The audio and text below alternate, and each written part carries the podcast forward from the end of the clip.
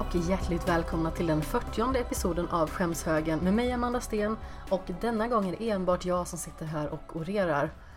Det är inte så att jag på något vis blivit övergiven och lämnat till mitt öde utan det här gör jag för att jag har planerat att göra en speciell följetong. Och vad är då denna följetong undrar ni? Jo, det är nämligen så här att jag har valt att göra en storslagen lista av den vid det här laget utnötta idén decenniets spel. Men som de flesta vet har jag ju en förkärlek för att skapa listor. Så denna kommer att se dagens ljus vare sig ni vill eller inte. Under flertalet avsnitt kommer jag ägna mig att gå igenom den här listan och den innehåller hela 100 spel.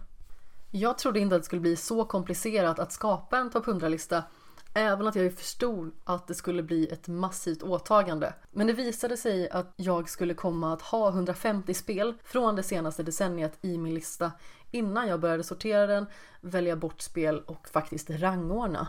Vad är det då för spel jag har med i min lista? Det är helt enkelt de spel som jag tyckt om och till och med älskat mest av de spel som släppts mellan år 2010 och 2019. Kulturell relevans är jag inte så jättemycket för, utan snarare det spel som lämnat avtryck på mig på ett eller annat vis. Det absolut svåraste i att göra en så oerhört lång lista är rangordningen på alla spel. Topp 10 känner jag mig bombsäker på. Även så pass många spel som de som befinner sig på topp 20 känns väldigt solida på sina respektive positioner. Resten känns oerhört mycket som dagsform. Fråga någon mig imorgon vilket spel jag tycker borde finnas på plats nummer 68 har jag potentiellt ändrat mig.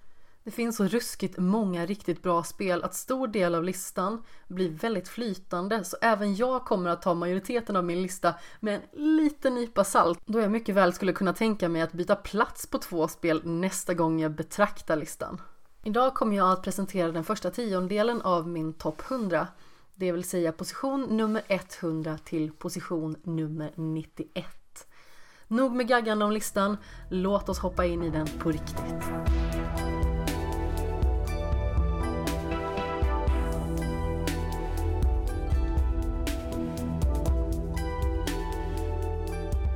Position nummer 100, Pokémon Go.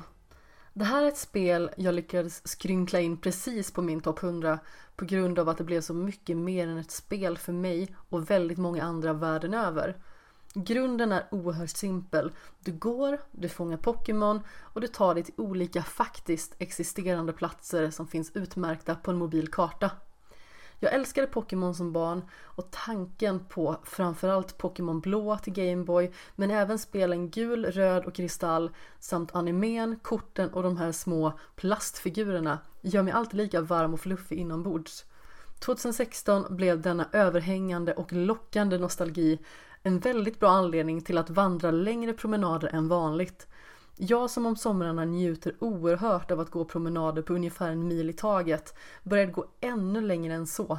Det var fridfullt och trivsamt och med en podcast i lurarna var det verkligen definitionen av ett uttryck jag ofta använder, det vill säga härliga tider. Det var också tider då telefonens batteri ständigt var på den röda delen av mätaren. Position nummer 99, The Sims 4 det må vara så att jag är vuxen nu, åtminstone på pappret i alla fall, och dessutom är spelskribent och inte längre har samma möjlighet att plöja ett och samma spel på det vis jag gjorde när jag var 12 år gammal och fullkomligt uppslukades av The Sims 2 när det kom år 2004.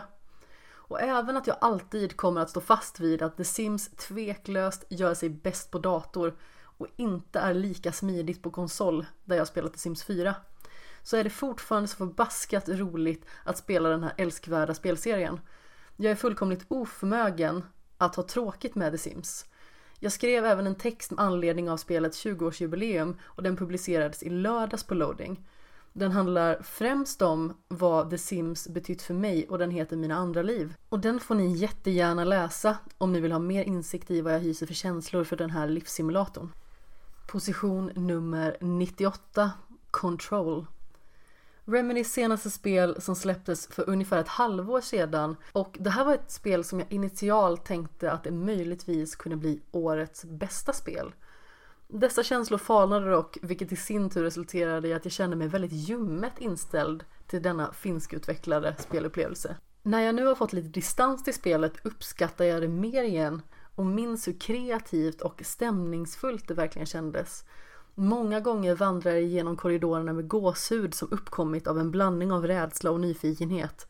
Och det absolut bästa av allt, när det kommer till tillfredsställande spelmekaniska moment ligger Control högt med sitt ivägslungande av kontorsmaterial. Position nummer 97, XCOM 2. Det här är ett spel som jag verkligen önskar att jag vore jättebra på, men är förtvivlat dålig på trots att jag verkligen uppskattar strategispel. Det är extremt utmanande och att recensera det var ett av de svårare uppdrag jag tagit mig an sedan jag började skriva om spel för drygt fyra år sedan. När det kommer till denna typ av spel är verkligen XCOM 2 ett så sannoliken genomarbetat och nervigt spel och bara tanken på det gör att jag vill dyka in i genren igen och plöja Enemy Unknown, Enemy Within och sedan förhoppningsvis en gång för alla klara XCOM 2 som grädden på moset.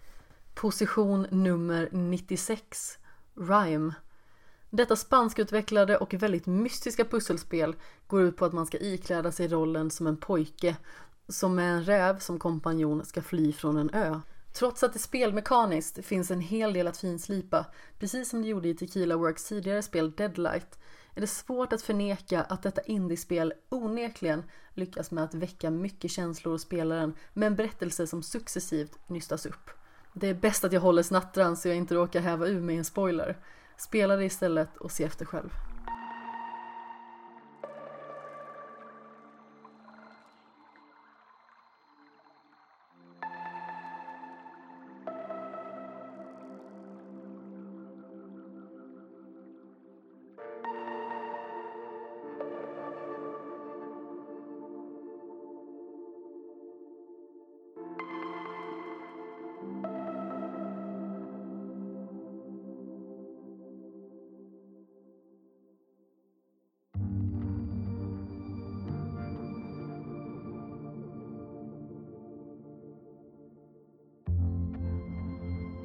Position nummer 95 Lara Croft Go För mig som verkligen tycker om de nya Tomb Raider-spelen som fått se dagens ljus under både förra och innevarande konsolgeneration blev Lara Croft Go en väldig överraskning för mig. Detta oväntade och väldigt annorlunda spel i relation till vad jag sett av Lara Croft tidigare är ett turordningsbaserat pusselspel som jag tog mig an för bara ett litet tag sedan och jag tyckte att det var så pass medryckande att jag gjorde det oväntade beslutet att ta en platinumtrofé i det.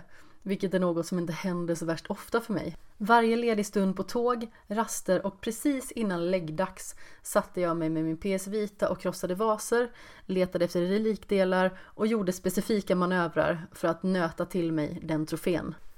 Position nummer 94 Batman The Enemy Within det första spelet om Läderlappen som skapades av Telltale hade vissa intressanta element men lämnade mycket att önska. I uppföljaren The Enemy Within lyckades skaparna mycket bättre med att hålla spänningen vid liv och de levererade dessutom en tolkning av Joker, eller John Doe som han först kallas, som jag faktiskt tyckte var en ruskigt rolig variant. Batman är mer eller mindre hans idol och han gör allt för att Bruce Wayne ska uppmärksamma honom då han inte vill något hellre än att de två ska vara tajtaste bästisar. Jag skulle verkligen vilja se ett roadtrip-spel med Bruce Wayne och John Doe på egna äventyr som bundisar.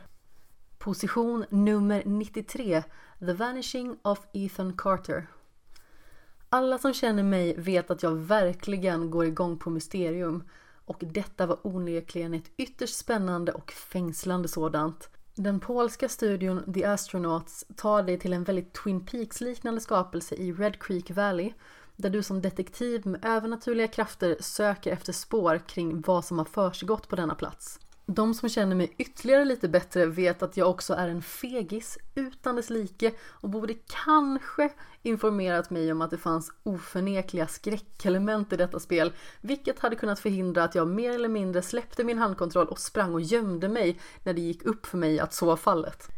Position nummer 92 Gravity Rush Spelet som först kom till PS Vita, vilket är en bärbar konsol jag tycker oerhört mycket om men som inte är konsolen jag faktiskt spelade detta actionäventyr på. Jag tog mig först an det när den remasterade versionen släppts på Playstation 4 och med manipulerandet av gravitationen som huvudfokus var det en toppenresa att följa Kat och hennes kattkompanjon Dusty. Jag är fast besluten att en vacker dag när tid finnes ta mig an Gravity Rush på min PS Vita för att få känna på hur speciell upplevelsen måste vara på konsolen spelet faktiskt utvecklades till. Position nummer 91 Valiant Hearts The Great War Jag är inte mycket för krigshistoria överlag då jag upplever att det är sällan det kommer någon sådan som bidrar med något säreget i genren. Valiant Hearts är en sådan berättelse som faktiskt sticker ut från mängden och som lämnar avtryck på spelaren. Jag anser förvisso att det kanske var lite väl upphåsat när det väl kom men jag tycker verkligen om hur det ser ut, hur det låter och att jag som spelare faktiskt kan få information i spelet som gör att jag kan lära mig mer historiskt om vissa delar av första världskriget. Att ett spel lyckas vara tecknat och samtidigt bearbeta väldigt allvarliga ämnen är smått fantastiskt.